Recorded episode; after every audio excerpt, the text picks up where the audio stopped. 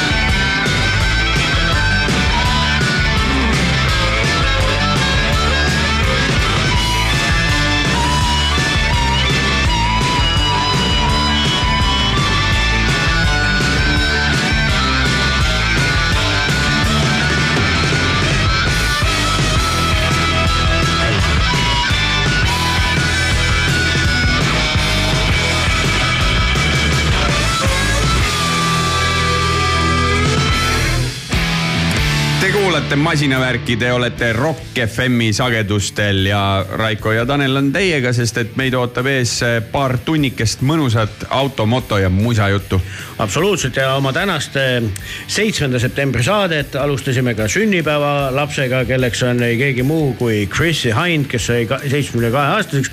kuigi daamide puhul selle vanuse rõhutamine ei ole mm -hmm. üldse oluline ja tead, mingist hetkest on, sellepärast et mõned daamid on siuksed, et oi, oi, selle... ei usu. Chrissy Hindil, kes on siis äh, tuntud kui Pretendersi, ma just tängi terminiga natuke äh, hätta, et ei saa ju öelda, et ninamees, et Pretendersi nina, ninanaine. ninanaine. ja, aga äh, kunagi ühes saates käsitlesime seda ka, et, et, et tema käsi kas siis karvane või mitte, on mängus ka väga tugevalt sihukese bändi nagu Sex Pistolsi ajaloos nüüd. nii et, et igal juhul väga-väga tegus naisterahvas, väga palju häid lugusid kirjutanud, väga, väga kõva, kõva frontwoman, nii et palju-palju õnne. aga tänases saates räägime me kiiretest autodest ja seda väga mitme nurga alt. ja räägime ka Eesti eh, võidusõitjate vägitegudest suurtel ringradadel Tartu motoshow'st. just, võtame toru otsa ka Tartu motoshow korraldaja ja, ja tutvume kõige sellega, mida seal sellel nädalavahetusel vaadata saab külla tuleb meil ka üks eh, palavalt motohull. motohull jah kuulates seda, et mis reisid juba on olnud eh, ja mis väljakutsed ja kuidas tegelikult on eh, tema käe all inimesed saanud oluliselt eh, targemaks ja paremaks liiklejaks, siis külla tuleb meil Ulvar Mikk rääkimaks siis motokoolitustest, sõiduohutusest ja loomulikult mootorrattaga reisimisest, mis on absoluutselt ju kogu selle asja üks väga tugev point. ja nüüd äh, Royal Blood, Shiner in the dark ja siis lähme juba Scuderia Tallinna sõidusündmuse juurde, kus siis äh, osalejateks olid Ferrari'd. masinavärgi sõidutab eetrisse Tartu Motoshow, Eesti suurim autonäitus. vaata lisa motoshow.ee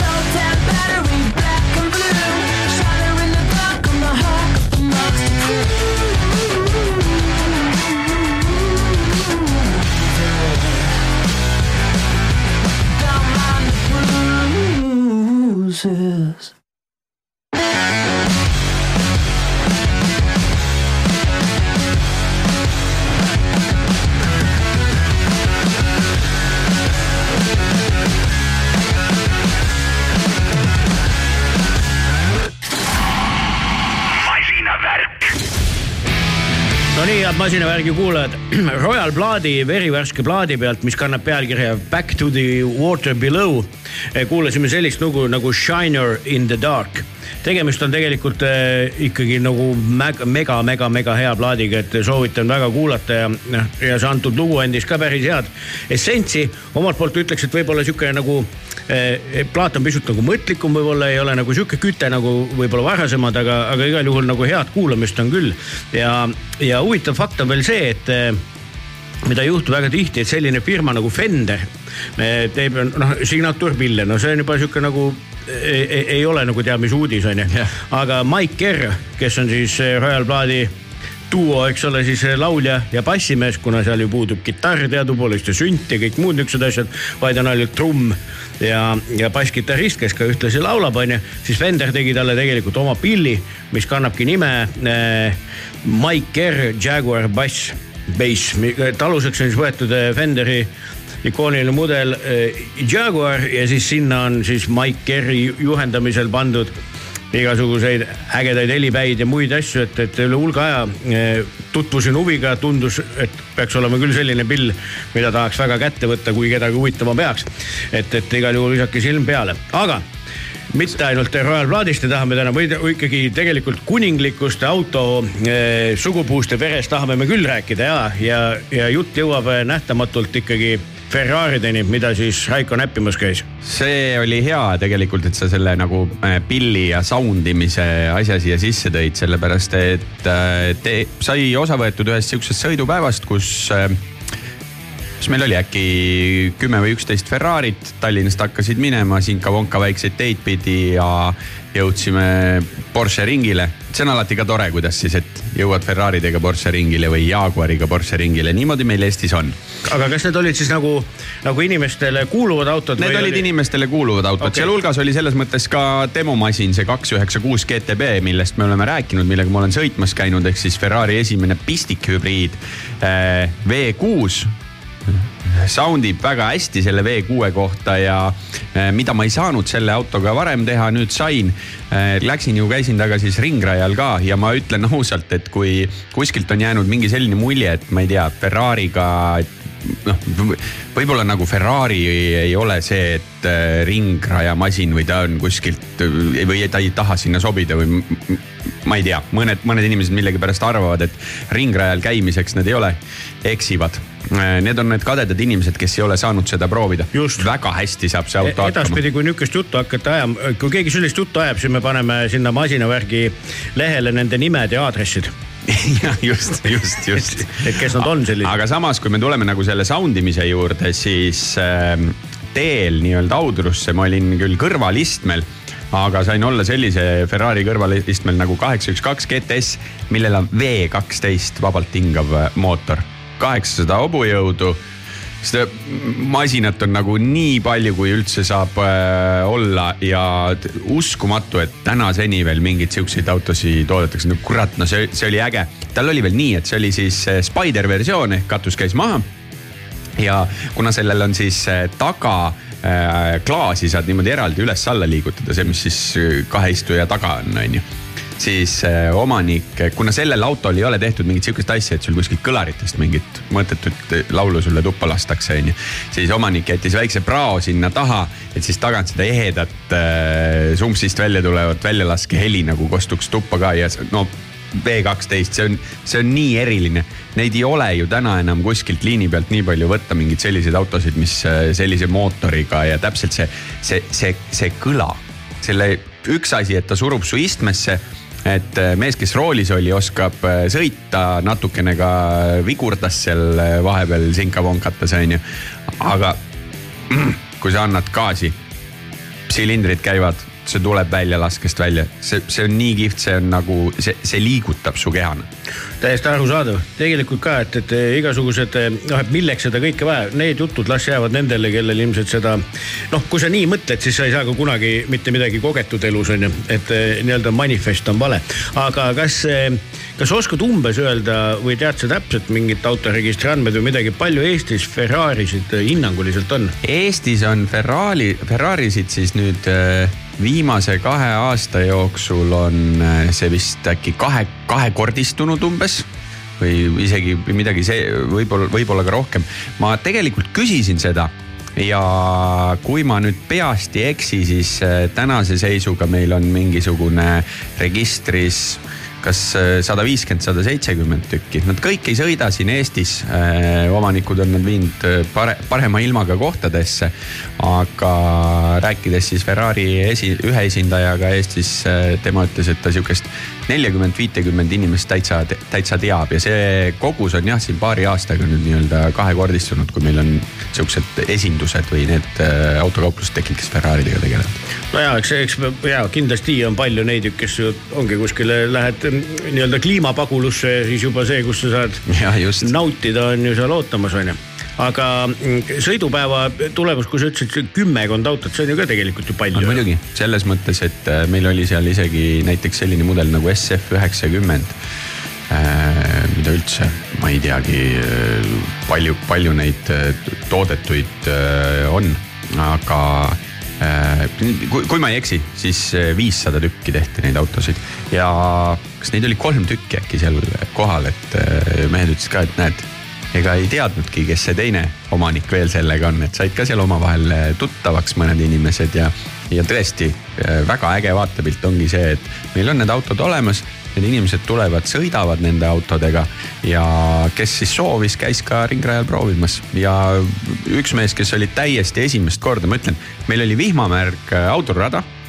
mees oli esimest korda oma kaheksasaja hobujõulise autoga Äh, sai seal äh, Martin Lauri käe all äh, näpunäiteid ja sõitis kas mingisugune kaks kolmkümmend seitse.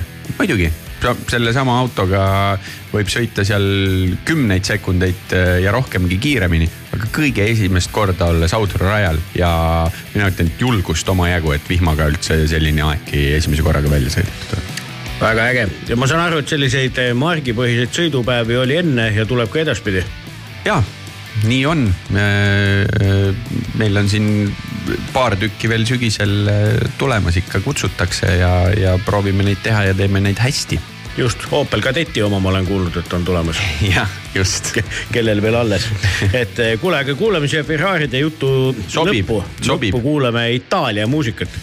Äh, esimesel septembril ilmavalgust näinud lugu, mis kannab pealkirja Honey, are you coming?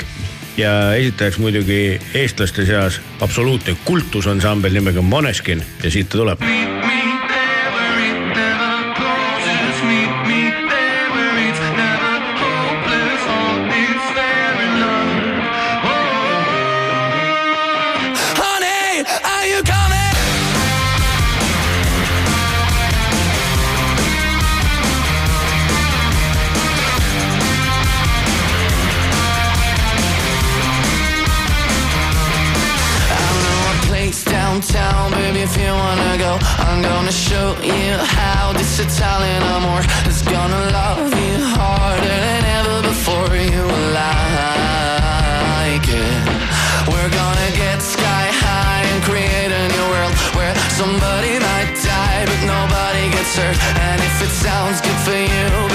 say the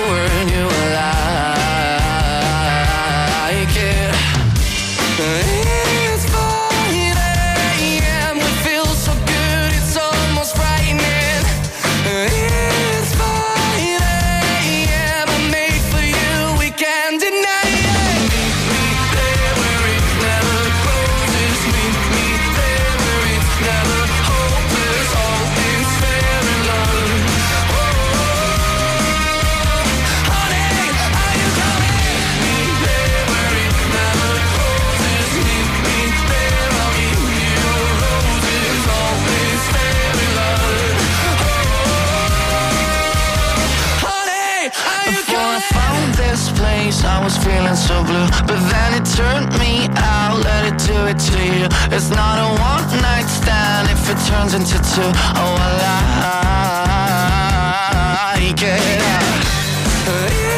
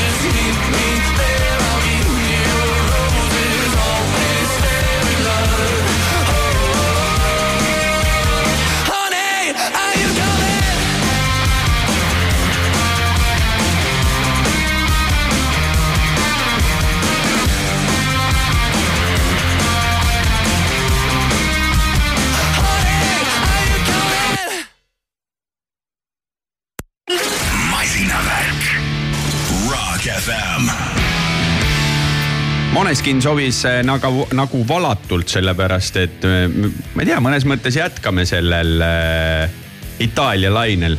just äh, lõppes ära vormel kolme hooaeg.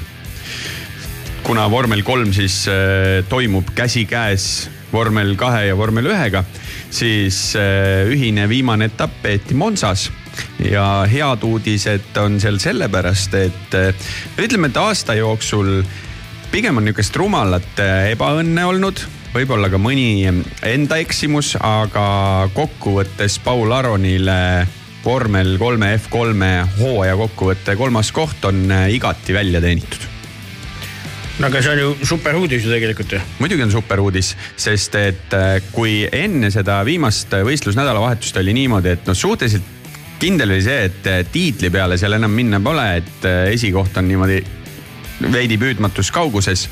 aga teisest, kas viienda või kuuendani olid kõik kohad lahtised.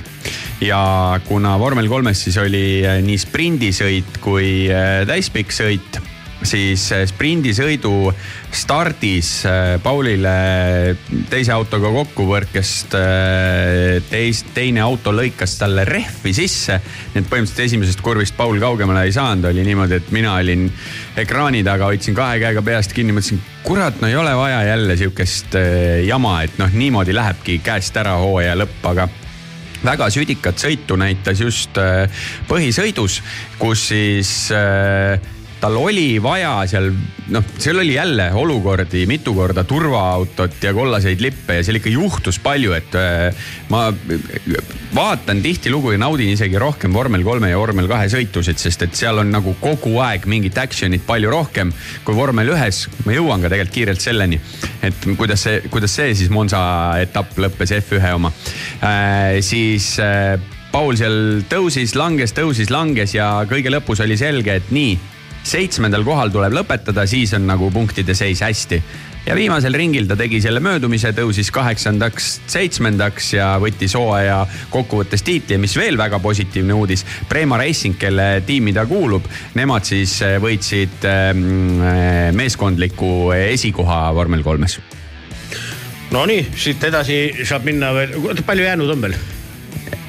Ei, vormel kolmega kõik. kõik läbi. vormel kolmega on kõik, neil ei ole üldse nii palju sõite, F1 on veel jupp minna, aga ega seal on kõik asjad otsustatud, seal oli viieteistkümneks ringiks seekord võidusõitu, kus tegelikult Max Verstappen lihtsalt ootas, kuni äh, Carlos Sainzil rehvid saavad otsa ja siis läks oma teed ja natukese aja pärast seal mingid, mingid kümned ringid hiljem äh, Sergio Perez järgnes talle ja jälle olid Red Bullid kahekesi eest ära. aga põnev oli kolmanda ja neljanda koha võistlus, kus siis äh, kaks Ferrarit kodupubliku ees omavahel niimoodi, et küll pidurdas üks äh, pikaks ja teine ei lasknud mööda ja vastupidi, et tegelikult oli päris sihuke sõjakas pronksi või siis kolmanda koha poodiumi püüdmine ja seda nagu kodupubliku ees oma rajal seal ja no nii julgelt sõideti, et oleks seal üks mees natuke rohkem eksinud, siis oleks üks Ferrari põllu peal olnud. aga, aga eh, sa, saame õigesti aru, et, et eh, põhimõtteliselt kaasaelamist jätkubki nüüd kolmanda-neljanda koha väljaselgitamiseks sellel aastal?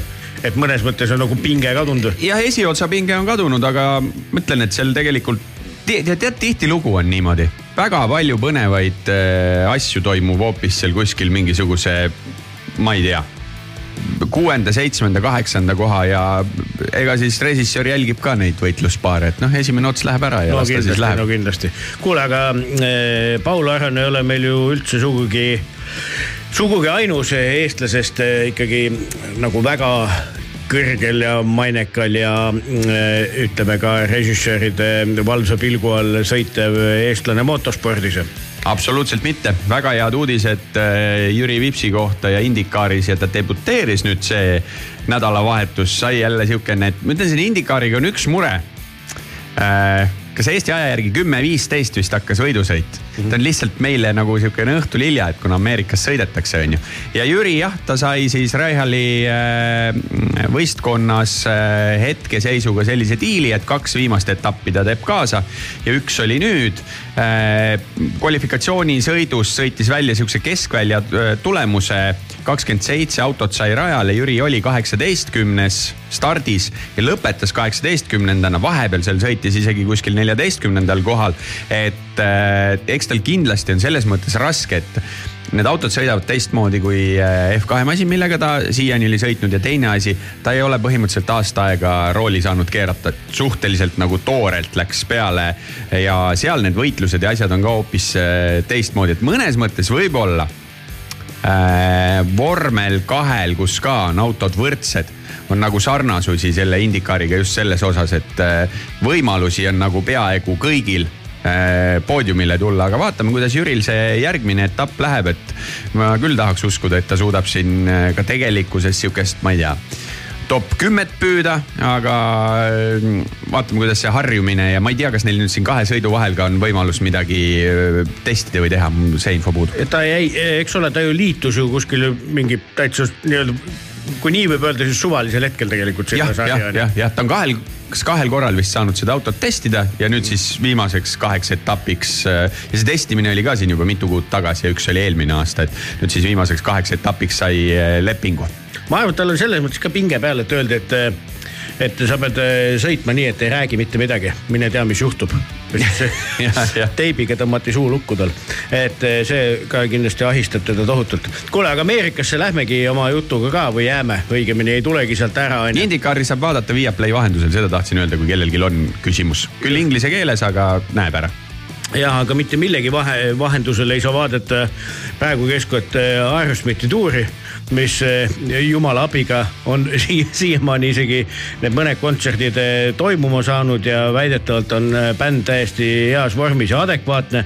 mis on ju ka täiesti nagu uudis omaette, aga mitte sellest ei tahtnud me rääkida, Aerosmith on sihuke hea sissejuhatus ühele tänasele sünnipäevalapsele, kelle nimi on Diane Warren ja kes saab kuuekümne seitsme aastaseks, et kas sa tead, kellega on tegu? Muidugi tean. nii? miks ma siis ei tea, et no. Diane Warrenit, olen ju äh, nime kuul-, kuulnud, tema on laulusid kirjutanud, laulnud ka tema on laulnud ka jah ja., ta on, tal on ka jah, tal on soolokarjääri puha onju, millest vist tegelikult teatakse vähem kui nendest lauludest, sest et noh, mõningad nopped on ju, kes on nagu mingi top kümne hitte tema sulest tulnud lauludel esitanud on näiteks Christina Aguilera, Gloria Estefan. Celine Dion. Celine Dion. Äh, Ace of Base. jah, Tony Braxton, äh, Roberta Flack, Michael Bolton ja nii edasi. Lady Gaga. jah Cher. võiks lugeda edasi ja, edasi. võib, võib lugema jäädagi. Eh, Rocki asju ka, aga noh, võib-olla need ei ole olnud nagunii siuksed edetabeli hitid, välja arvatud siis üks lugu, mida me ka kohe kuulama hakkame ja, ja eh, Peace of Out, Peace Out äh, tuuril olev Aerosmith ei ole sugugi juhuslikult valitud siia. Don't want miss a thing oli ikkagi nagu oli nagu hitt, mis on hiti nime väärt, eks ole, kui ta koos siis selle Armageddoni filmiga üheksakümne kaheksandal aastal ikkagi ilmus, siis ta ju purustas vist, ma ei tea, kõikide planeedi maa raadiojaamade edetabelid on nii, et, et ja see on jah kirjutatud Dan Warreni poolt, et võib-olla ei olegi nii teada-tuntud fakt kui selline, et, et see on üks väheseid lugusid, mis ei ole Joe Perry ja Steven Tyleri poolt üldsegi loodud, on ju. aga kuulsaks lauldud. Jah, aga kuulsaks lauldud, väga kuulsaks ja pole setlist'i vaadanud, aga äh, ma usun, et see lugu võiks isegi olla ju kavas, äkki. Tallinnas no., Tallinnas kunagi oli. oli või? ah soo, no vot, eufooria oli nii suur, et ei mäletagi. aga jah, et äh, kuulame siis äh, vahelduseks Aerosmithi ja siis lähme oma saatega edasi. I could stay awake just to hear watch you smile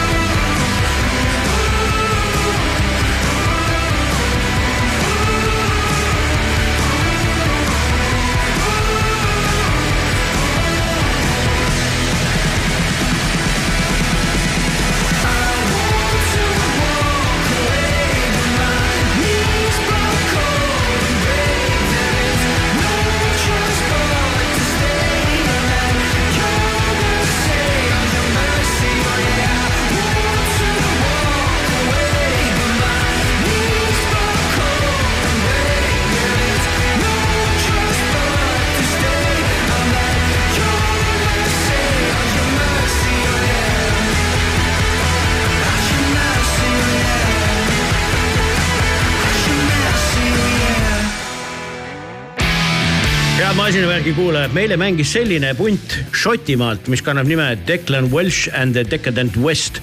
lugu kandis pealkirja Mercy. Ja me, kes oli meie eelmise saate tähelepanelik kuulaja, see sai teada, et, et selline jõuk on tulemas ka Tallinnasse. Ja see kõik juhtub kolmekümnendal novembril ja Paavli kultuurivabrikus, et kes tahab eh, uut värsket šotimaist rock n rolli kuulata, peab sammud seadma Paavli Kaltsuka vastas asuvasse eh, kultuurivabrikusse, mis on tegelikult üks väga-väga äge koht. ja nende tegemistest eh, me räägime kindlasti veel ja hoiame teid kursis. aga praegu me keerame hoopis ninad eh, Tartu maanteele, et läbida esimesed sada kilomeetrit mõnusalt ja ülejäänud kaheksakümmend enam mitte nii ägedalt, et kohale jõuda. aga miks Tartu maanteele, miks Pärnust inimesed ei või tulla? Haapsalust, Narvast, saartelt. võtsid sõnad suust, muidugi, isegi Narvast võib tulla, et äh, tulge, kus tahate, peaasi, et, äh, et äh, on olemas mõõdukas huvi moto vastu. Tervikuna, et jutuks ei midagi muud, kui siis kohe-kohe ukse ees olev Tartu motomess. Mina toiksin jutu otsa lahti sellest, et kuna on Prantsuse autodele nii-öelda eraldi pühendatud, sealt kujundusest jookseb ilus trikoloor läbi ja on Prantsuse autode eripaviljon olemas, siis eh, mille heale nii-öelda korraldusele ma ise vägagi kaasa aitasin viisteist autot suutsime sinna tekitada ja seal näeb masinaid, mis kõige vanem on aastast kolmkümmend kaheksa, Peugeot kakssada kaks. ja värskemad on siin võib-olla mõned aastad äh, vanad äh, näiteks Renault Megane RS, mis ka ei ole nii igapäevane liikumisvahend, aga kõike sinna vahele jäävad. Citrooni, Peugeot, Renault ja ka tegelikult Alpine'i A sada kümme, see uuem versioon siis on äh, seal kohapeal olemas, aga ma ütlen, et ma kohtusin inimesega, kes siis, kelle käest me saime sinna messile, kas sa tead sellist mudelit nagu Citrooni kaks CV? ja muidugi, kes ei teaks. kas sa tead, kui eh, pikalt neid autosid toodeti? Neid toodeti pikalt neid toodeti pikalt, sellepärast et tegemist on ju peale teist maailmasõda turule toodud autoga, et inimestel oleks autod kättesaadavad, on ju. Et ta oli algselt ju või oli lõpuni välja kahesilindriline, eks ole. tal kasutati vineeria presenti ehituses on ju. Ja ja ma arvan, et tegelikult teda pigem toodeti isegi nagu rahva tungival nõudmisel, mitte enam otsesest vajadusest, ma arvan, et mingi kolmkümmend aastat aastal nelikümmend kaheksa, kui ma ei eksi, tehti esimesed ja aastal tuhat üheksasada üheksakümmend viimased no,. ja see messil olev auto on aastast kaheksakümmend üheksa, inimene vaatab peale, mõtleb, oo, küll on nüüd uunikum kohale toodud. aga ülilahe oli see, kuidas omanik ei olnud seda autot põhimõtteliselt vist mingi peaaegu kaks aastat käima pannud tõstis uue aku peale, auto läks kõigepealt käima, ütles, vaata mul siin ikkagi veel paar asja. bensuvoolikud oli vaja ära vahetada ja äh, tuli, sõitis sinna, kust me siit Tallinna servast need treileri peale võtsime. no vot, see, see, mis kunagi oli, eks ole, selline noh, nagu. kuussada kupikut. jah, praktiline vajadus, et ma ei tea, farmer saaks oma munad turule viia või mis iganes. sest sellest oli igast kastiga versioon. ja, ja igasuguseid on ju, siis täna on ta ju, ma ei tea, kui inimesed äh, Pariisi ekskursioonile lähevad, siis sa võid seda näiteks teha sellesama autoga, et lastakse presentkatus maha maha ja siis vaatad oma Eiffeli torne seal onju. aga kaks lahedat Citrooni, XM ja SM on kohal äh,. Renault poolest muidugi meie enda Avantime sai sinna. ma tahtsin küsida, kas see teie imelik auto on ka seal? muidugi, muidugi yeah.. Peugeot kolmsada üheksa, nelisada kuus kupee Äh, Citrooni kaksteist CV ehk siis Eesti vanim sõitev auto, samamoodi Laitse rallipargist äh, kohale toodud. vabandust, see on ju kõige vanem, mitte kolmekümne kaheksanda aasta auto, näed, kus ma siin juba Kule, hakkasin aga... eksima, aga seda on lihtsalt, need on erilised autod, mida saab seal näha. ma saan aru, et su süda tuksub nendele autodele mitte vähe, aga need ei ole ju ainsad asjad, mida seal Ei, vaadata saab. muidugi, muidugi. räägime nendest ka veel Prantsuse auto, vaatan praegu meile saadetud materjalist, et eh, Prantsuse autodega jätkates, et eh, Peugeot'l on kaks ägedat facelifti tulemas. viissada kaheksa ja kaks tuhat kaheksa et, eh, et kellel vähegi on Peugeot huvi, et siis saate selle seal rahuldatud, nii et seda nägu on ju. aga mida, mida uut veel on? Nissani väike kaubik Downstar, Baltikumi esmaesitlus. see on elektrikas või? Ei, Honda CRV hübriidi Baltikumi esmaesitlus okay., äh, Renault Australi full hübriidi ja Clio ETF full hübriidi Eesti esmaesitlused on ju äh, ja noh, muidugi, kui me jõuame siis sinna autospordiliidu erialale, kus on väljas Romet Racing, kes meil siin käis, BMW kapi sõitja, tema võistlusauto mm, -hmm. siis äh, on seal Porsche kapi äh, masin äh,, mis siin ka meil ühe salvestuse ajal masinavärgi stuudios oli. ja siis muidugi nüüd siis, ma ei tea, Eesti au ja uhkus äh, sportauto, superauto Kalana. no sellest ma arvan, me teeme kas just päris erisaate, aga, aga sellest me kindlasti räägime veel, aga kes ei ole näinud ja vist tegelikult neid võimalusi oligi seesama äh, suursõit, mis oli mõned nädalad tagasi, kus nägi seda autot ju täiesti korda. rajal liikumas, siis jah, et Kalana on välja pandud siis ka Tartu messile, et, et juba ainuüksi sellepärast on põhjust minna. et vaadata, kuidas on maailma varsti kõige kiiremaks auto teie nina ees. Me mõned autod jätsime mainimata, et ärme neile siis ka liiga tee, et, et on veel Hyundai Kona HEV esmaesitlusega tegu. ja veel selline tore auto, mis mulle ausalt öeldes ei ütle mitte midagi, nagu Otokar on meil siis ka veel siin eh, tulemas on ju, nii et, et ja ka. Otokar Atlas on kaubik. no vot. kaheteistmeetrine. noh, kuule, see ei, ei peagi ütlema, aga ühesõnaga eksponente keda vaadata on küll ja veel ja me saame kindlasti. mingi sihuke saja viiekümne ringis, pluss siis kõik need äh, muud asjad, mida äh, veel sinna kohale tuuakse, aga me kuulame muusikat ja siis me teeme Tartusse kõne ka. ja, me kuulame ka Tartuga seotud lugu, sellepärast, et mõned head aastad tagasi juhtus mingi selline asi, mida ei oleks viis, kümme, viisteist, kakskümmend viis aastat enne seda isegi unes näinud, et Metallica võiks esineda Tartus. aga ometigi see päev saabus ja mis looga alustas Tartu kontserti, muidugi mitte selle Enrico Morricone kurikuulsa signatuuriga, aga mis oli esimene lugu, mida Metallica mängis Tartus siis, kui nad mängisid? Speaker than hardwired. no lugesid maha, okei okay,, aga siit tuleb Metallica ja hardwired ja siis juba võtame toru otsa kellegi muu kui. Henrik Kurbeli, kes siis on äh, motoshow peakorraldaja. masinavärk, masinavärk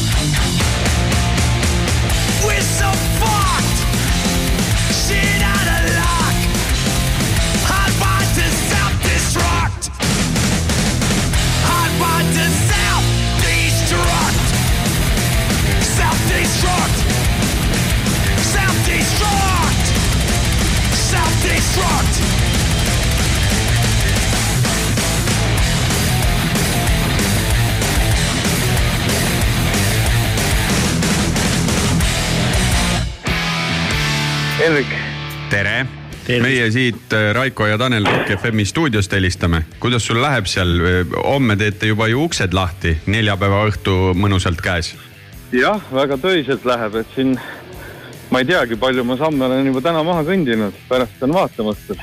aga miks sa siis jala käid, sul on ju sõiduvahendeid terve maja täis ju jah, sõiduvahendeid on palju, aga ei, ma isegi olen siin nalja teinud, et, et peaksin ikka vahepeal nagu mõne rooli istuma ja minema, minema proovima tead, et saad nagu esimene olla, et kui siin on nii mõnigi Baltikumi esmaesitlus, et võiks ikka Baltikumis täitsa esimene olla aga küsin kohe praktilise küsimuse ka et, et, et autod on ju põhifookus, aga kas seal näeb muid eh, vahendeid ka nagu näiteks, eh, ma ei tea, elektritõukse või midagi, millega sellistel puhkudel jalavaevu vähendada saaks, et kas neid on ka välja pandud?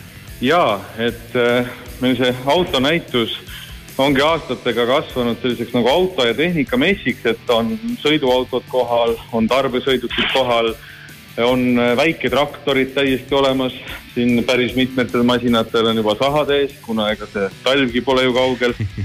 on ATV-d kohal, et iga, iga, igasugu tehnikat, et eks see põhifookus on ikkagi autol ja ilmselgelt auto on ka see, mida tuleb publik vaatama. aga selline nii-öelda tehnikamessi laiendan siin siinjuures ja ma arvan, et see ainult annab lisaväärtust juurde ma arvan ka, kui sa ilusti küsid, siis elektritõuksi omal ikkagi saad, et jalavaeva vähendada seal tohutul territooriumil. kui suurel alal sellel aastal asju näha saab? jah, motoshow on meil jah, selline selles suhtes vahva mess, et ta on äh, lisaks sisepaviljonidele ka väliterritooriumil. ütlen päris ausalt, et ega ma ei olegi nüüd neid ruutmeetreid kokku löönud, aga ma arvan, et see on üks, üks äh, paaril hektaril ikka see, see näitusala laiub. sest et tegelikult ja. ju mitte väliala ei ole niisama, sinna välja on ju ka ju mõned tulevad selliste paviljonidega kohale, et näevad nagu majad välja.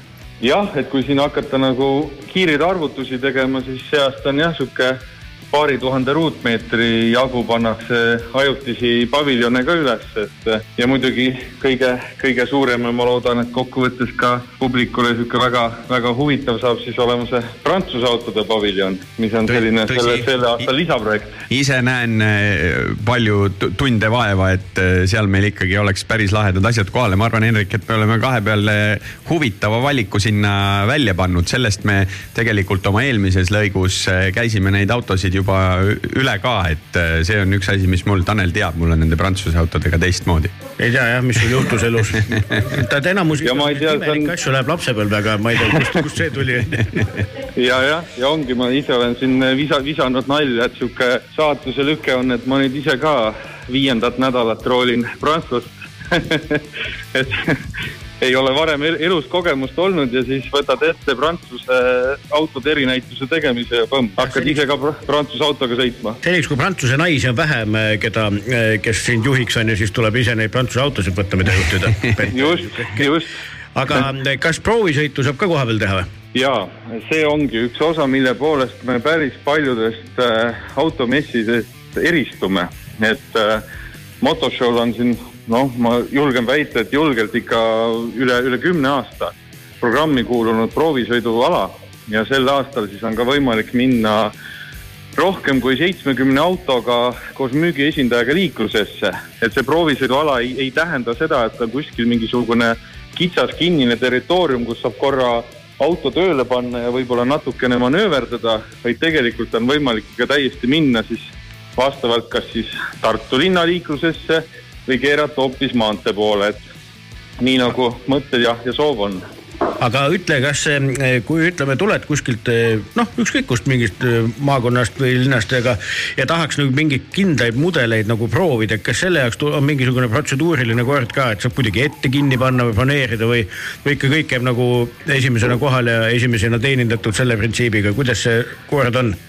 me oleme ikka teinud jah, sellise süsteemi, et tuled kohale näitad huvi, saavutad müügiesindajaga kontakti, vastavalt vajadustele leitakse sobiv auto ja siis juba üheskoos siis lepitakse kokku, et, et millal selle sõidu teha saab, sest noh, iga, iga aasta näitab, et siin ikka kujunevad välja lõpuks teatud mudelid, mis saavad ikka väga korraliku läbisõidu, et et ise olen siin igal aastal endamisi natukene muianud, et kui on ka mõni auto, millel nagu endal oleks nagu päris huvi, et läheks ka võib-olla prooviks, siis tegelikult messi ajal see ei õnnestugi, kuna autot põhimõtteliselt näeb nagu kuuvarjutust, et see ainult sõidab.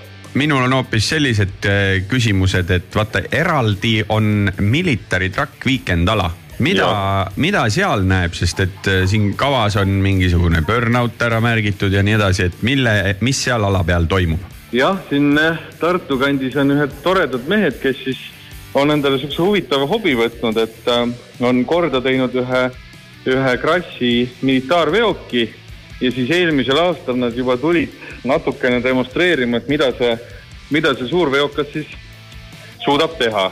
Et kui eelmisel aastal me piirdusime ainult sellega, et sõitsime üle romusõidukite, mida me teeme ka tänavu, no päris, päris äge vaatepilt on tegelikult vaadata, et kui ikkagi, kui ikkagi veoauto sõidab üle, üle sõiduautode, siis sel aastal on ta natukene oma väljapanekuid laiendanud ja et oleks rohkem, rohkem vaatamist, siis on kohale ka aetud sihuke piikplokk mootoriga Chevy, millega siis tehakse natukene suitsu, et eh, mehed on kohale organiseerinud siuksed betoonplaadid ja, ja proovime, kas ta saab ikka kummid korralikult suitsema. kuule ja viimaseks küsime üle need kõige tähtsamad asjad. reede, laupäev, pühapäev, mis kellaaegadel mess avatud on? reedel avame kell üksteist null null, õhtul kuueni avatud, laupäeval kümnest kuueni ja pühapäeval kümnest neljani. et ma loodan, et see kolme päeva pikkune periood võimaldab inimestel leida endale sobilik hetk ja, ja, ja kohale tulla, et kõike seda uudistada ja vaadata. kuule, ma mõtlesin välja, kuidas sa teada saad selle äh, ala suuruse. ütlesid, sa oled palju käinud, mõõda sammudega ära jah, ega see on täitsa võimalik, katsume teha igal juhul eh, jõudu-jaksu Tartumaale, et kindlasti tervel Eestil on põhjust tulla vaadata, millega nad enne kahe tuhande kolmekümne viiendat aastat peavad sõitma hakkama. mina, eh, mina lähen reedel kohale homme. ja mina plaanin laupäeval minna, nii et äh, igal juhul kohtume Tartus, aitäh. suur tänu, kohtumisel messil. masinavärk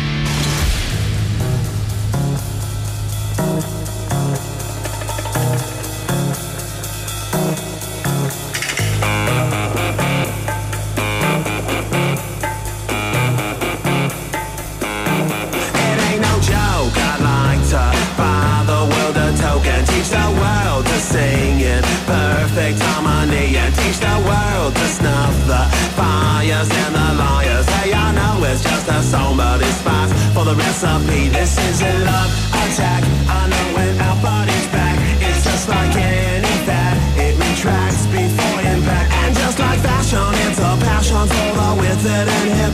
If you got the goods, they'll come and buy it just to stay in the click. So don't delay, act now. Supplies are running out. Allow if you're still And if you follow the may be out tomorrow, but if the shine, you might as well be walking on the sun.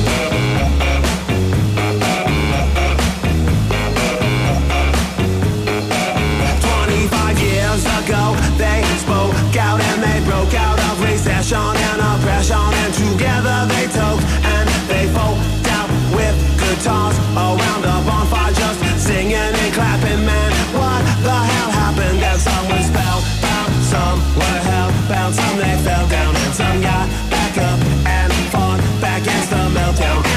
kids were hippie chicks, all hypocrites, because fashion is smash on the true meaning of it. So don't delay, act now, supplies are running out. Allow if you're still alive, six to eight years to arrive. And if you follow, there may be a tomorrow, but if the authors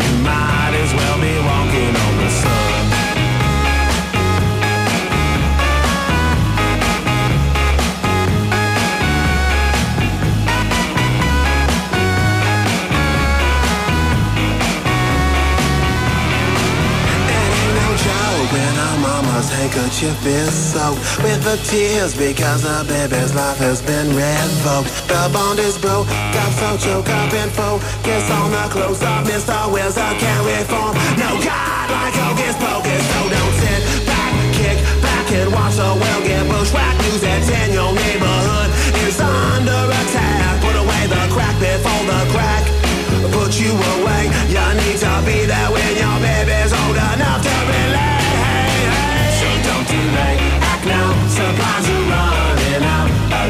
you're still alive. Six to eight years to arrive. And if you follow them, may be out tomorrow. But if the office shines.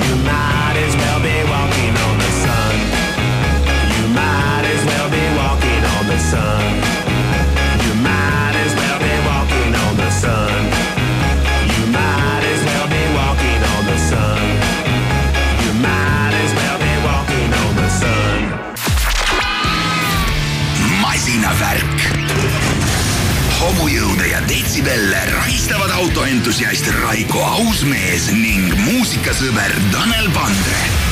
masinavärk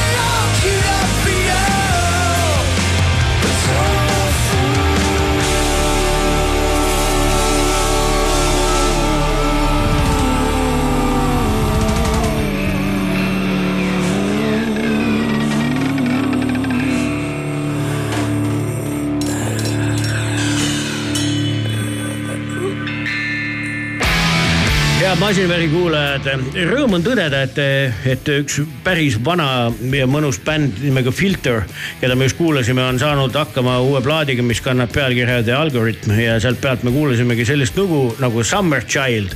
ja meie uksest on sisse astunud tõeline suvepoiss, ei keegi muu mm -hmm. kui palavalt armastatud sõiduinstruktor ja muidu moto fanaatik, kui nii võiks öelda, Ulvar Mikk, tere tulemast. tere tulemast et eh, küsingi kohe, et kuidas su suvi on möödunud, ratastel ma kujutan ette. kaherattalisel ainult konkreetselt kogu aeg. naine võttis auto ära või? kas võttis või andsin, ma ei teagi, kuidas ilus öelda on. ütle, et andsid ikka muidugi. ja, ja andsime, see on, see on niimoodi, et naisele antakse auto ja siis sügisel võetakse ära auto, kui meil hooaeg lõpeb no, et ja räägi siis, kuhu, kuhu need kaks ratast sind viisid? Reiside mõttes on kõige, ütleme sihuke Euroopas, kus ma käin palju, on Hispaania ehk siis mitte ma siit ei sõida, vaid need on mugavusreisid, eks ole, mis on valmis. aga tegelikult ma katsun kogu selle Eestis oleva hooaja ikkagi siin olla ja sest siin on nii palju koolitusi ja teemasid, nii et see, ütleme, et see pool aastat on ikkagi siin ja siis järgmine pool aastat hakkab välja minema jälle. aga vot Eesti kohta nagu tahakski küsida, üks asi on koolitused, nendest me kohe räägime pikemalt ja põhjalikumalt. aga kui sa niimoodi täiesti spontaanselt, me ei andnud sulle mingeid küsimusi ette ega mingeid ettevalmistusi, aga kui sa ütled, et hakka kuskilt maakonnakeskust, ükskõik millisest on ju, hakkad minema, et mida sina soovitaks, nagu kui sa oled näiteks näiteks sihuke algaja, algaja motomees. ega täna on ju tegelikult see hästi mm, nii-öelda kuulus sõna on tett, eks ole, et sõidetakse seda tetti. mõni pelgab seda. ja vaata, aga seal on nii suured nagu valikud nendel asjadel, et ega siis, kui on keeruline koht sinu jaoks, keera tagasi on ju, mine ringiga. pigem on minu arust see sõnum seal see, et sa nii-öelda kas siis väldid eramaid või on siis kokku lepitud, et sa saad läbi sõita, eks mm -hmm. ole. see on nagu üks asi ma arvan, kus Eestis nagu sõita saaks äh, maastikul, aga ähm, teate, avastage lapsepõlveradu, kus te kunagi oma kogukatega sõitsite ja need rajad on teil tuttavad, minge sõitke, minge vaadake ja eks siis tuleb õppida, kui on raske, mis seal ikka. täti kohta on muidugi ka see, et kui sa võtad selle kaardi lahti, siis ta on ainult üks suur roheline joon, ega sealt ei saa ju aru, kus on raske ja kus on, kus on veel raske. ma arvan, Ulvar ütles hästi, et kui nagu tundub, et läheb, läheb liiga pehmeks, siis tule tagasi ja vaata ringiga kus sa sinna joone peale tagasi saad. kuidas need turvamehed ütlesid, alati on see chicken way või? jah, just kui pelgama hakkad. aga tagasi tulles nende koolituste juurde, et, et kui palju siis inimesi sinu käe alt see suvi läbi käis? tead, ma ei oskagi arvu peast öelda, ma sellist äh, nagu ei peagi nii-öelda num-, numbrit, aga tegelikult on nii olnud, et alates mai algusest kuni konkreetselt siiamaani on olnud kõik nädalavahetused mul kinni. ja kui äh, maksimumgrupp on kaheksa inimest, on ju, siis ma mõtlen siis üks kord nädala lõpus, mõnikord on isegi kaks olnud laupäev, pühapäev ka. siis need on päris palju, aga mm, osad ju kordavad seda koolitust, eks just ole. ma just tahtsin küsida, et, et on ju ridamisi neid tegelasi, kes võtavad uuesti, eks ole, kinnistavad või võtavad siis mingi nagu järgmise nii-öelda nagu, nagu sihukese nagu esteetika, kui nii võib öelda, on ju, et. osad on sihukese noh, ütleme suhtumisega, et nad on võtnud nagu mingi kindla eesmärgi mm. kuhugi jõuda või siis ma ei tea, kas seda tetti siis kergelt läbida või, või siis äh, ähm, mul on ka niimoodi, et ma tegelikult, kui keegi tahab minuga kuhugi kaugemale reisile tulla, siis ma natuke tahan teda testida enne, et mm, -hmm. et seal oleks lihtsam, ei oleks sihukest äh, hädaabi äh, vaja, nii et. Äh, aga paljud on, mulle teeb rõõmu, tegelikult on hästi palju on uued inimesed, keda mina ei tea. see, see, me räägime küll ohvroad koolitusest, aga see ju parandab ka tegelikult liikluskultuuri arusaamist üldse, nii et äh, väga, päris palju rahvast, päris palju. nii et suurtes piirides võime öelda, et üks, üks sadakond inimest on, on see suvi, see suvi õpetust saanud. mina, mina küsin hoopis seda, et mis õiguse sa võtad, et sa, sina otsustad, sa nüüd koolitad, sul on selleks, sul on endal midagi ette näidata selleks. ja ei, ega ma polegi seda võtnud, eh, seda mul on, ma olen siis BMW motorraadi eh, sertifitseeritud instruktor ja tuurguide mm. -hmm. ehk siis BMW toodab mootorrattaid ja nemad on siis meid sertifitseerinud, mulle siis selle selgeks teinud, eh, kuidas peab ja nii lihtne ta ongi ega.... samas ega koolitusele ei pea ainult BMW-ga tulema. ei, absoluutselt mitte, pigem ütleme siis suurte ratastega, ma ise teen siis tänase eh, BMW-ga, mis on R tuhat kakssada viiskümmend GS ütleme siis mammutit, kuidas keegi nimetab, eks ole, sellega siis nagu offroad kursused, et väiksega pole mõtet tulla mm. -hmm. kust, kust maalt sa selle suure piiri tõmbad? kust hakkab mammut ja lõpeb elevant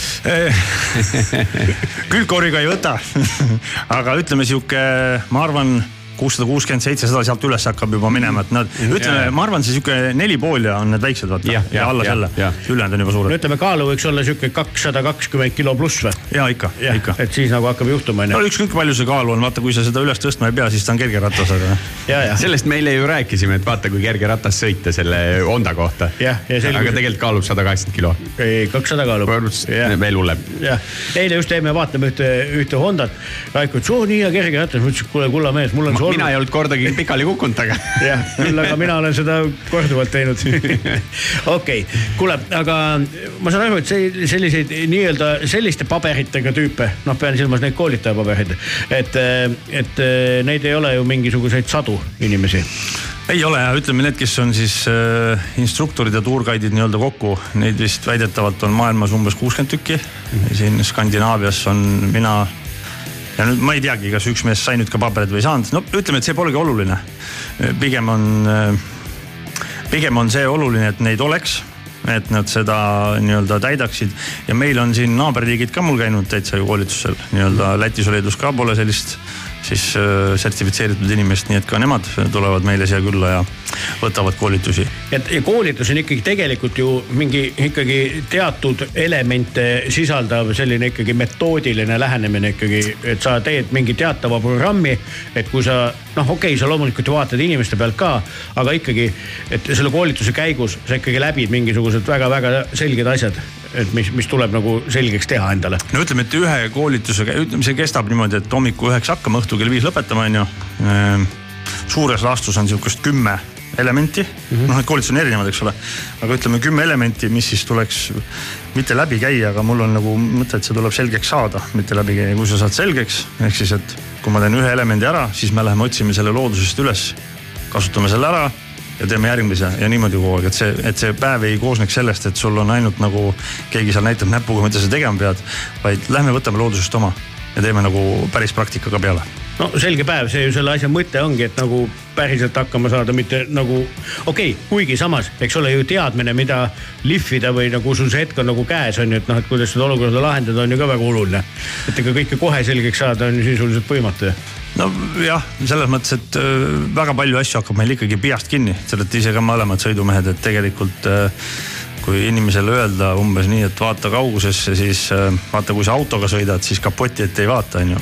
sõidad mootorrattaga, vaatad seda esimest kivi, mis seal on. et noh, sellised võlud on need ja valud, ütleme tegelikult nojah, ja kindlasti oled sa ka tuhandeid kordi seda öelnud, et mitte ära lase gaasi maha, aga pane juurde, kui tahad ellu jääda, on ju, nii et, et see ei ole ka võib-olla väga selline instinktiivne käitumine. absoluutselt on ju, et. kohe, kohe pidurit ja, ja. külili. siis oled koolitatud minu arust noh, nagu valmis Mm -hmm. kui sa teedki nagu instinktidega neid asju, mitte et sa hakkad mõtlema, mõtlema., vaata meil ei ole aega tegelikult seal mõelda, kui on sihuke ohukoht, eks ole. ei no loomulikult, loomulikult. kas kas tüdrukuid on ka tulnud nagu juurde või? on. tänavapildis ma nagu ütleks, et ma näen neid eh, lehvivaid patše aina enam, mitte et ma neid ekstra kuidagi vaataks, onju. hakkavad silma hakkavad silma, on küll. Ja ei olegi tegelikult nii arad, pigem on, ma ei, ma ei oska ka protsendiliselt öelda, aga toome siis näite, ma olen, ma ei tea, kas kolm-neli aastat teinud seda. et kui esimesed aastad üldse ei näinud Mm -hmm. siis nüüd on ikkagi see aasta, ma arvan, üks kümmekond juba käinud, nii et ja, ja tegelikult kui aus olla, siis veel ei ole hooaeg läbi, et mul kestavad endiselt. ei no muidugi, sõita saab ju paar kuud veel rahulikult. ja, ja, ja rahulikult muidugi. selge, kuulame vahepeal Mussi ka ja siis jätkame samal teemal, et kolmeteistkümnendal septembril tuleb Tallinnasse, ma ei tea mitmendat korda, aga see polegi oluline. üks no üliäge Rootsi jõuk, kelle nimi on Mustache ja nad just andsid kahekümne viiendal augustil välja uue singli Human I don't get it ja siit ta tuleb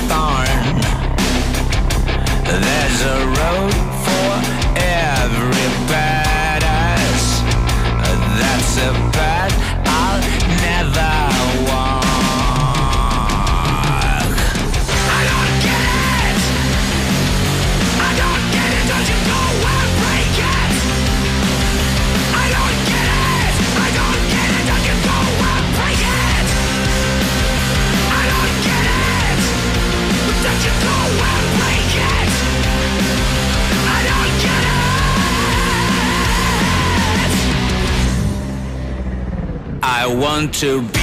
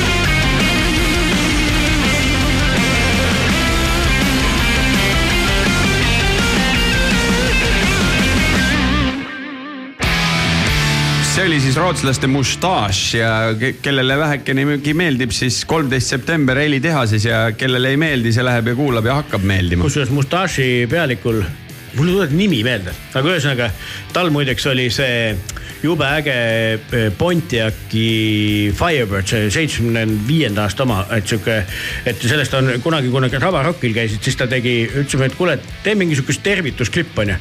noh, aegu-aegu tagasi, kui see ei olnud veel üldse nagu nii, nii levinud onju siis vana tegi siukse klipi, kõigepealt põletas kummi, siis astus autost välja ja ütles kohe davai, Eestis näeme, et sihuke kõva petrolhead. aga jätkame juttu Ulveriga, kuule, mis, mis sind üldse nagu ajendas sinna, et, et, et sa nüüd auto annad naisele ja sõidad kogu aeg mootorrattaga, et millal see kõik juhtus? ei tea, eks tead, ma arvan, et see, kui on DNA-ga kaasas, siis ta on kaasas, et äh, väiksena võrr, mopeed on ju, siis äh, mul jaavat ei olnud, ma kardan, et isa vist ei ostnud mul sellepärast, et ta on ise ka oli krossisõitja ja siis olid asjad katki. aga mul oli alati nael taskus, siis ma virutasin naabripoiste näosi kogu aeg. vaata neil ei olnud neil see võti oli ju, oligi naela asemel, eks. sümboolne oli võti. täpselt, siis äh, tuli kunagi motokross peale, kus siis sai võistelda teha äh, saigi BMW-sse tööle, BMW-s olin ma siis juba pärast BMW motorradi brändi juht, eks ole, ja ega ta nii arenes ja pigem äh, see instruktori äh, tegemise äh, mitte soov ei tulnud minult, vaid see tuli tegelikult tehase poolt, mis tegelikult mulle nagu öeldi, et nüüd oleks aeg seda teed hakata liikuma ja, jah, kaua sa niisama ikka ringi jõlgud, tee midagi tarka ka ole kasulik inimkonnale. olla kasulik ja kas siis tänaseks võib selle kõik kokku võtta siukse nagu brändi nimega nagu Nord Moto või? täpselt, Nord Moto ongi, sest me oleme pannud sinna paar asja kokku, ehk siis umbes nii, et kui sa tuled poodi sisse, siis sa saad osta kas siis vähekasutatud või kasutatud motoratta.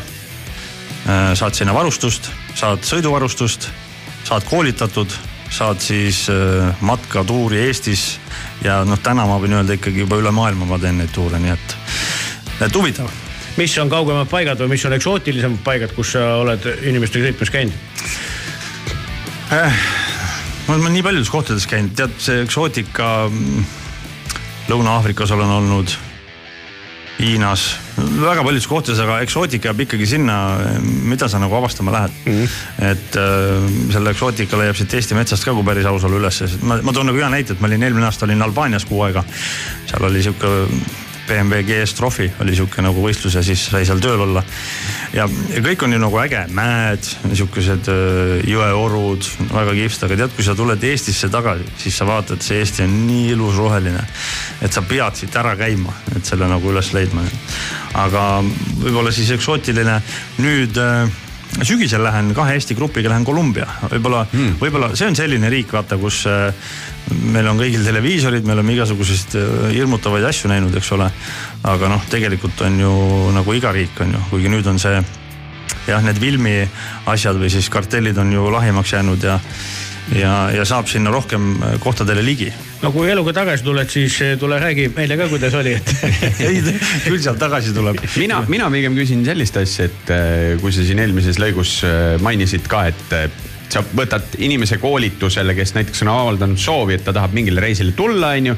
natukene saaksid aimu, et milline motoinimene ta on, kui sa temaga varem pole kokku äh, puutunud. aga mis on need äh, reisid või sihtkohad, et ma saan aru, et see Hispaania tegelikult on päris populaarne. kas see on selline, kuhu saab ka algaja tulla matkale? kuidas, kuidas see maastik, asjad, kuidas need olud seal on, onju? noh, vaata, meil on nagu, seal on nagu päris mitu reisi meil, ehk siis erinevad raskusastmed on mm -hmm. ju. ja kõige populaarsem on see kõige lihtsam, aga noh, seda ju ei tea need kliendid, kes tulevad. Aga meil on seal Nordmoto salongis on äh, selles mõttes hea, et üks asi, mis sa räägid, aga meil on siis need nii-öelda originaalvideod on seal üleval, mul üks hea klient on sihuke hästi filmihuviline, siis ta filmis ja pani kokku kõik need lõigud ja seal on siis mul hea näidata.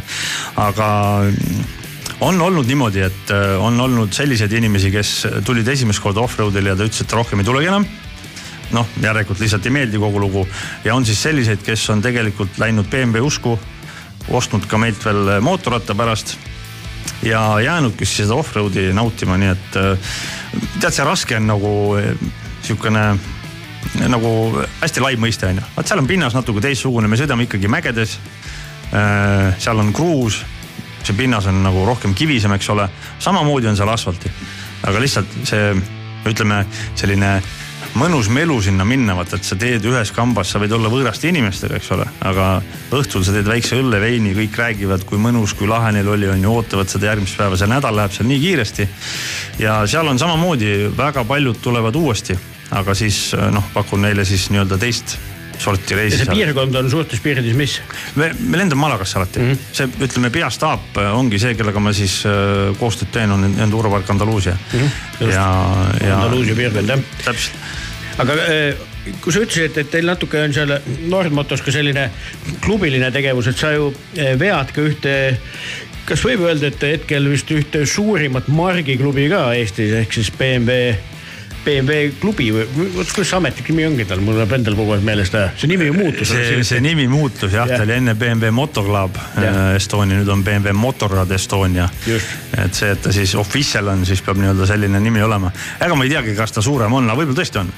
ta on üks suuremaid päris kindlasti kohe jaa. ja et eh, noh, kui, et need ütleme siin ühed, ühed teised brändid on ju, et need, ei suuda ju siin kunagi kuidagi ühe mütsi alla kokku tulla, et siis, siis, siis. Kaklevad. ma ei tea, kas kaklevad, aga noh, las see olla, see on mingi nende elu, aga, aga kas täna ma mäletan õigesti, et on hinnakir-, hinna, hingekirjas eh, kuskil umbes seitsekümmend liiget. jah, täpselt, see ongi kuidagi läbi aegade niimoodi jäänud, ega meil ei olegi olnud plaan äh, seal mitte mina ei vea, seal on päris äh, mitu inimest seal ütleme juhatuses, kes kõik veavad neid asju. aga meil ei ole kunagi plaani olnud kasvatada teda nagu vaata, kui lihtne oleks, et reklaamida on ju, kutsud kõik inimesed vähegi ligi, kellel on BMW on ju ja juba ongi sul võib-olla sada viiskümmend, kakssada inimest. aga siis läheb see asi tööks, läheb käest ära. meil on kuidagi jäänud ta kõigil nii, et ikkagi siiamaani on säde silmis, rahulikult toimetad kui inimestele meeldib, nad ära pole läinud, ju siis me ajame õiget asja. no olles ka ise selle klubi noh, nii-öelda listis on ju, et ma vaatan, et noh, metsik aktiivsus, noh, see on ikka tohutu mingi orgunn käib kogu aeg, oh davai, paneme satsi kokku, läheme kuhugi, et. et lisaks, eks ole, klubi nagu organiseeritud tegevustele, sealt on ju selliseid sõpruskondi ju kujunenud ju oi-oi kui palju, eks ole kes Kui- käivadki puntidena sõitmas ja, ja vahetavad kogemusi. see on hakanud kusjuures endal ka kunagi olema, siis vaata kuskilt me alati kõik alustame Mhm. ja siis äh, mu hea sõber ja äripartner on Toomas Pärna ja siis äh, ma vaatasin kunagi, et neil, neil oli mingi oma punt mm. -hmm. ja siis ma mõtlesin, et huvitav, kas mul ka kunagi sihuke punt on. ma ei pidanud nagu seda vajalikuks, aga kui aus olla, siis see punt on tekkinud ja noh, mitte nüüd ainult nagu sõidupunk, vaid on saanud nagu sõbrad nii et käiakse nagu nii-öelda, kui sa Eestis sees sõidad, on ju, siis mitte minna hotelli ööbima, vaid minnakse kellegi siis suvilasse on ju, niimoodi käiakse ringi. et selles mõttes jah, kuule, inimesed, inimestel on ühised huvid. Ja kui sa seda naudid, minu arust väga lihtne, väga palju ei pea vaeva nägema, et sõbraks saada. just nimelt ja, ja ma ütlen, et klubi, klubi on aktiivne ja klubi on, on minu meelest koosneb eranditult nagu sümpaatsetest inimestest. mul sellesama mootorrattasõidu peale ütles üks äh, sõber, sellest on nüüd mingeid aastaid möödas, ma pakun välja, et ta oli tol hetkel siukene nelikümmend viis umbes onju ütles äh, meie ühel ühisel mootorrattasõidu lõpus sedasi, et teate, ma siiamaani mehed arvasin, et sõpru leitakse A keskkoolist, sõjaväest, ülikoolist, aga et vanast peast ka uusi sõpru leiab, kes on sulle päriselt sõbrad, seda mina ei osanud ennem arvata. Ja mis oligi, mootorrattasõit oli see, mis inimesed kokku viis. eks see sihuke hobitegevused on ka veel üks variant, kus sa leiadki selle ja ta on ju natuke nagu ka networking, keegi tegeleb jälle millegagi, sa leiad sealt nagu ka omale järgmised mingid äripartnerid või asjad, et äh, ja, ja, ja see motoklubindus on kuidagi eriti hästi minu meelest seda asja näidanud. absoluutselt nõus. vaat see motoklubi teema minu arust ongi see, et kui seal sees ollakse, siis need, kuna see Eesti on nii väike ja mingil määral keegi teab, kas teist või kolmandat, siis sealt on näha olnud, et seal ongi ärilisi sidemeid ja noh, see on väga positiivne. absoluutselt. siia teema lõppu olengi valinud ühe sõprade loo mis muidugi ei kanna sellist eh, Eestis tuntud pealkirja, aga, aga on kaks sellist tegelast nagu Eric Gales ja Joe Bonamassa. on, see muidugi on siukse rivaliteedi peale üles ehitatud, kahe tippkitarristiga on nagu tegu, kes justkui nagu siin loos võtavad omavahel mõõtu. aga noh, suure tõenäosusega nad ikka vihamaelased ei ole, kui nad ühte stuudiosse ära mahtusid ja sellise ägeda loo, mis kannab pealkirja I want my crown valmis sai, nii et eh, väga vinge kuulamine, nii et, et eh, sõprus jääbki meie seda tänast eh, intervjuud kroonima, et, et eh, motoklubi ja, ja ka ütleme nende õppimiste käigus alati sa ju tutvud uute inimestega ja jäädki mõnega suhtlema või kui muud ei ole, siis kuskil ma ei tea, kasvõi hooaja lõpetamisel kohtud nüüd sellel nädala lõpul ja ikka on tore lehvitada, et ja vaatad, et ajate ühist asja, nii et suur tänu, Ulvar tulemast ja, ja jõudu ja jaksu selle eh, moto asja ajamisel. suured tänud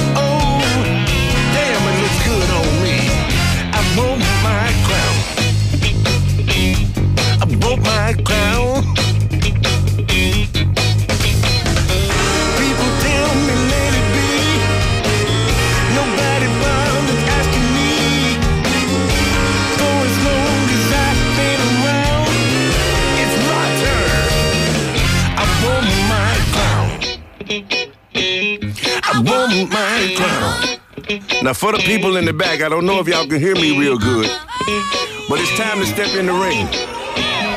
Me and you, let's get it, Joe.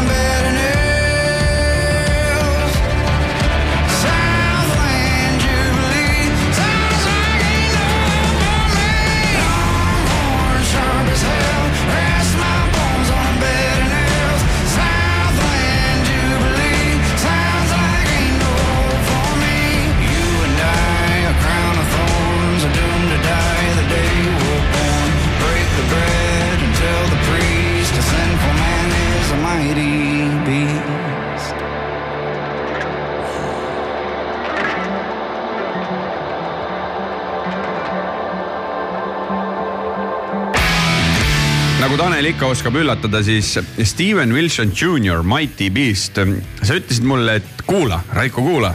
see on yeah. noor kutt, aga laulab nagu heas mõttes vana mees. on küll nii jah? ja väga-väga kihvt, et mul üks sõber soovitas seda kuulata ja enne imet, et ta ongi sihuke nagu ta on sihuke jah, lahe, et laulab nagu vana mees, aga tegelikult on ise noormees ja tal on sihukest mõnusat, mõnusat huvitavat eh, sellist nooruslikku eh, krutskit sisse pandud suhteliselt traditsioonilisse muusikasse.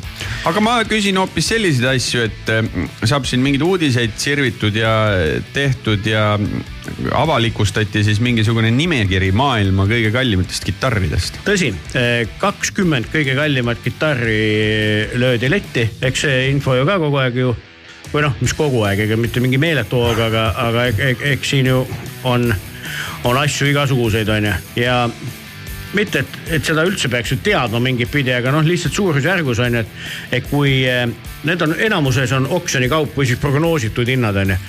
aga mis on ja väga palju tuleb ikkagi arvesse võtta seda, et miks on need hinnad ka nii sellised, nagu nad on, et väga palju on kogutud läbi pillide, no mis on nagu annetatud ja on kogutud raha heategevuseks mm. -hmm. et ne- see ei ole rännanud kellegi isiklikku taskusse väga paljudel juhtudel keegi ei ole ostnud paari tuhande euroga midagi ja siis müünud poole miljoniga maha. no eks see kindlasti on ka seda, aga ma näiteks küsin sihukese asja, et no, lihtsalt, et mingi aimduse mõttes on ju, et, et seal kahekümnendal kohal oleva pilli hind. noh, et siis mõtleme, kui kallis võiks olla kõige kallim, on ju. mis ta sinu hinnangul võiks olla, mida? ma, ma võtan, ma võtan sihukese jabura võrdluse, et kui me siin saate alguses rääkisime Ferraridest ja seal need eh, kallimatel pillidel, mis siin Eestis liiguvad, noh, mida, mida, mida mina seal nägin, seal oli juttu sihukesest poolest miljonist, siis äh, äkki siis äh, mõni mees müüb oma Ferrari maha ja saab selle ühe kitarri osta. jah, pead müüma Ferrari, siis veel maja ja midagi veel. jah, et, et see kahekümnendal kohal hetkel oleval mm, äh, Kristi oksjonil müüdud äh, kitarr, mis kuulus äh, Erik Claptonile, aga see oli, tegemist on ka tõeliselt vana pilliga, tuhande üheksasaja kolmekümne üheksandast aastast pärit Martin akustikuga. maksis seitsesada üheksakümmend üks ja pool tuhat dollarit, tõsi. kahekümnendal kohal on on kahe, kaheksasada tuhat. no, no ja nüüd hakkame siis siit nagu edasi minema, eks ole. Erik Clapton pani ühele vahepealsel ajal päris palju pille tegelikult eh, oksjonile, sest tema pillikogu oli meeletult suur ka ja, ja siis, kui ta tegi seda, millest ta kirjutab tegelikult oma eluloo raamatus ka, et kus ta tegi selle rehabilitatsioonikeskuse ja se- seda nagu push'is on ju. nii et ka järgmine pill on üks kuuekümne neljanda aasta Gibson ES, mis oli kaheksasada nelikümmend seitse tuhat viissada, samamoodi oksjoni, oksjoni kaup. siis on äh, ridamisi ja, ja siin on veel kurikuulus Erik Claptoni Blacki Stratocaster üheksasada viiskümmend üheksa tuhat ja nii edasi. loomulikult leiame me siit veel selliseid nimesid nagu Bob Dylan, Keith Richards muidugi ja no kui ma tahaks Keith'i mingit pilli, mida pakutakse või mis siin müü- müügiks läinud on? jah, Keith Richardsi viiekümne üheksanda aasta Gibson Les Pauli eest maksti samuti ühele oksjonile üks miljon dollarit. et eh, siis eh, pani ka oksjonile päris mitu pilli David Gilmour eh, Pink Floydist ja siin näiteks üks selline pill, mis ei kuulunud otseselt kellelegi, aga mida, mis on lihtsalt nii unikaalne tegemist on viiekümne üheksanda aasta Gibson Corina Exploreriga, see Explorer on täitsa hästi sakiline pill mm, -hmm. mida näiteks James Hetfield armastab kasutada, seda tüüpi pille. et see on ka see miljoni pill. loomulikult me leiame siit ka Bob Marley eh, pilli ühe eh, Washburni kidra eh,. siis me leiame siit ah,, üks on, vot see on väga põnev lugu, et eh, David Gilmori eh, üks kuuekümne neljanda aasta Fender Stratocaster hinnaga üks koma kaheksa miljonit Ameerika dollarit, et eh, oli selles mõttes huvitava ajalooga, et selle esimene omanik oli üks country, väga-väga kuulus kantristaar Ameerikas, Rex Gallion, kellele see kuulus. ja vahepeal omas seda üks sihuke mees nagu Seymour Duncan, kes, eks ole, on väga kuulus eh, helipeade valmistaja on ju, ja, ja siis eh, ta kuulus David Gilmore'ile, kes siis jah, pani selle oksjonile ja, ja, ja sellise hinnaga, nagu me just kuulsime mingit Beatlesite pille ka siin läbi käinud on kuskilt? Beatlesite pille, kohe jõuame Beatlesite pillini ka, aga hoopis ühes teises kontekstis. Et äh, kui näiteks see, see kahekümnenda koha äh, äh, kitarr äh, oli seal, eks ole ju mingisuguse tohutu lävendmaksumusega, siis tulles tagasi, vabandust, Beatlesite juurde, siis äh, kõige kallim basskitarr on, on siis, mis on elades müüdud kuuluski Paul McCartneyle ja mis sa arvad, mis hinnaklassi see võiks jääda? kolm miljonit. ja vot siin nüüd tuligi sihuke asi, mis pani ka mind kukalt kratsima, see maksis kõigest kakssada neli tuhat dollarit. bassimees. jah, et ei ole mõtet investeerida bassidesse, kui on võimalik investeerida kitarridesse. ma nagu lootsin, ma ei tea, miks ma arvasin, et olenemata sellest, et noh, bassimees ja nii edasi, aga kurat, Beatlesid noh. jah, ja Beatlesitest rääkides siis eh, John Lennoni Gibsoni akustiline, akustiline kitarr, kaks koma neli miljonit oli siis, oli siis ka selle väärtuseks. aga mis see top kolm siis on? kohe jõuamegi top kolmeni. ma küsin su, ma ütlen sulle siis top kolme jah. nii. alustame siis kolmandast kohast jah. kolmas koht, tähendab esimesed kaks kohta kuuluvad ühele samale mehele, võtame siis top neli võtame top neli. et eh, top neli on, tuleme tagasi ka uuesti eh, mille, kellegi muu kui David Gilmore'i juurde, kes siis pani ka ühe Stratocasteri, mis oli tema sihuke tegelikult väga-väga-väga teada-tuntud pill, eks ole, millega ta siis eh, tõi eh, miskit sorti kliima, kliimaga seotud eh, heategevuseks tõstis siis kolm koma üheksa miljonit eh, dollarit siis, siis on suht-koht loogiline asi, kui me mõtleme, mida me oleme oma saates ka palju kajastanud, et Eddie Van Haleni see ka sihuke, tema üks sihuke triibu, triibuline signatuurpill, eks ole.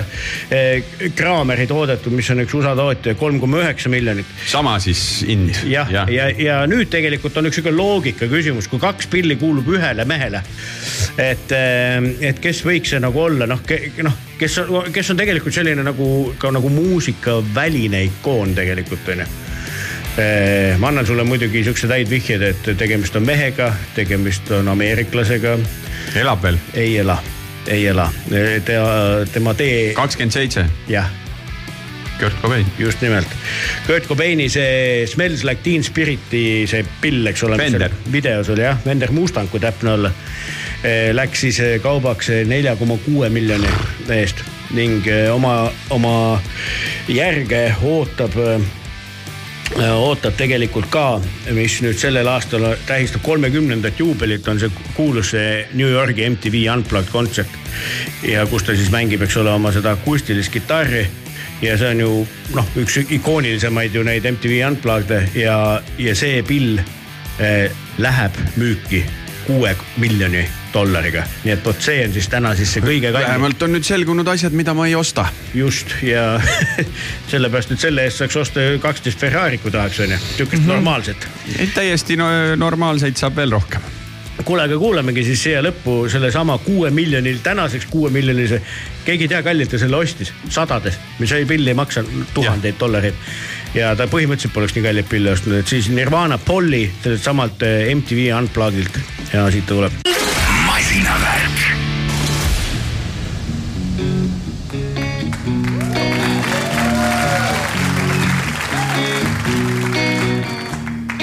Polly wants a cracker. Think I should get off the first. Think she wants some water to put out the blowtorch. Isn't me heaven seen? Let me clip dirty wings. Let me take a ride. Hurt yourself. Want some help? Help myself. Got some rope. Haven't told. Promise you. Haven't true. Let me take a ride. Hurt yourself. Want some help? Help myself.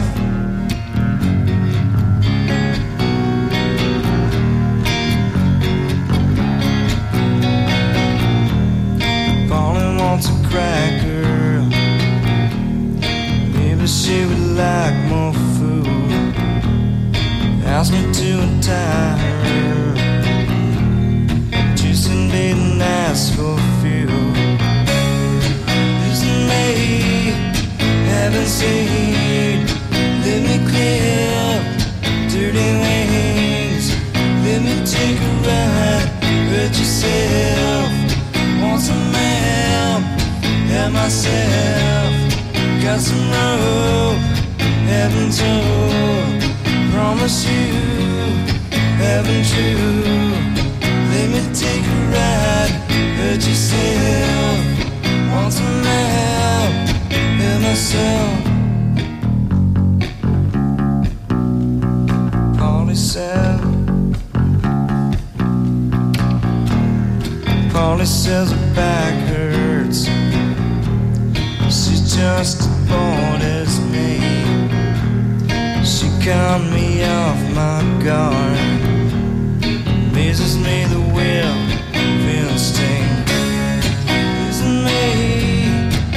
me seen. Let me clean up dirty. Let me take a ride. Yourself. Want some help and myself. Got some love, haven't told. Promise you, heaven true. Let me take a ride, hurt yourself. Want some help and myself.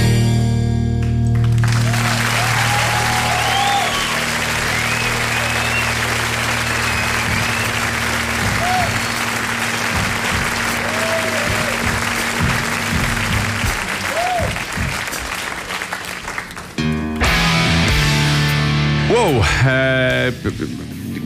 noh, nii mitu nulli ühe kitarri sappa panna. võttis ikka mõtlema. võttis mõtlema, võttis mitu korda mõtlema. ma arvan, et minul on mingi mõni, mõnisada eurot see kõige kallim.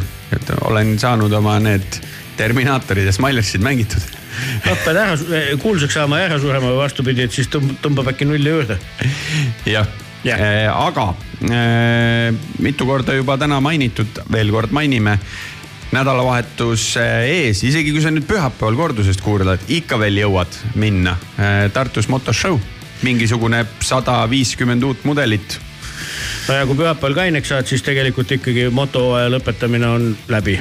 jah, selle magad maha, Jah. siis sa juba maha siis. kui kordussaadet kuuled, siis sellega on nagu ühel pool, nii et, et see on laupäeval, et ärge ära vaata unustage kui. hästi jaotatud tegelikult, mina soovitaks minna niimoodi, et lähed reedel või siis laupäeva päeva esimeses pooles käid Tartus, käid näitusel ära, leiad mingid lahedad teed, mida kaudu Pärnusse minna ja Pärnus ju oli alles veerand kuus hakkas tegelikult see nii-öelda rongkäigu või no see jaa, aga seal on ikka vaja ikka varakult kohale minna, tsikkel ära parkida, rehvi toksida seal mingit üle mõistuse süngit juttu aga jõuab igale poole. see käib ju asja selles niimoodi ei ole vaja siksida, üks päev üks asi, teine päev teine.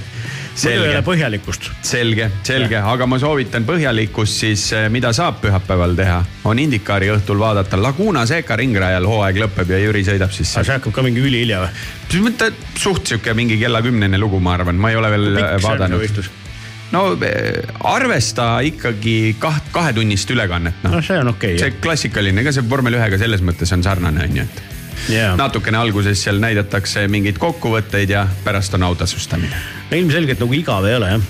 Ei ole. et ja kui nagu noh, kui ei, ei taha kuidagi grupiviisiliselt tegeleda, siis ikkagi ju ilmateadet näitab nagu nii head, et kui on see tunne, et ah pagan, ei ole sõitma jõudnud, et noh, sõitke nüüd siis noh. väga lihtne, et ärge ohkige, võtke ratas ja, või auto või, või jalgrattas või mis iganes ja, ja tehke, tehke oma mõtted teoks. aga me paneme siia saate lõppu mingi ühe väga-väga erilise loo mängima. me paneme ühe erilise loo jah, ja paneme tegelikult ühele, ühele siuksel mitte kõige, kõige paremal põhjusel, et meie seast on lahkunud üks äh, Eesti ikka viimase aja väga-väga-väga hea ja andekas äh, muusik, kitarrist, laululooja Jaan Reim. Ja tema kõige kindlasti tuntum ansambel, kus ta ikkagi mängis väga-väga pikki aastaid, oli midagi muud kui Paradoks ja hakkasime Paradoksi lugusid arhiivist otsima ja selge see, et peale ühe väga tuntud loo ära möödumust lähedalt valitses seal tühjus ja hing ei andnud nagu rahu, et kuidas saab olla nii, et, et tegelikult äh, nii tõsiselt äh, muusikat teinud ansamblist nagu, nagu arhiivides nagu jälge pole.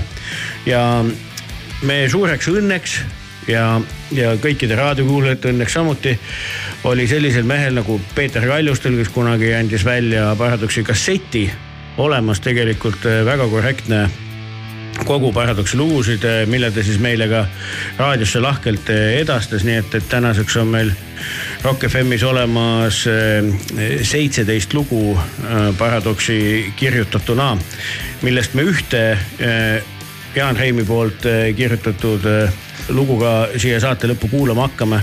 see kannab eh, nime Kannatuste rajad ilmselgelt ei ole ilmselt tegemist sellise looga, mida Eesti raadiod oleks äh, aastate jooksul üle ekspluateerinud. et äh, kuulasin neid lugusid äh, mitme nurga pealt ja, ja ma võtsin endale voli valida see lugu just nimelt selle mõttega, et kus äh, seda kitarri käsitlust saab kuulata, et, et mida mehel oli öelda kitarriga, et pean seda ülioluliseks, et pilli võib lihtsalt mängida lood ära, onju. ja ludistada ka mõne soolo vahele, mida sa siis oled kas ise kuidagi mõelnud, et võiks nii olla või, või imiteerid kedagi, aga teine asi on see, et sa räägid ikkagi pilliga lugu, et sa räägid midagi, mida sul nagu öelda on ja mida sa, mida sa nagu mõelnud oled, et kuidas võiks, et minu meelest.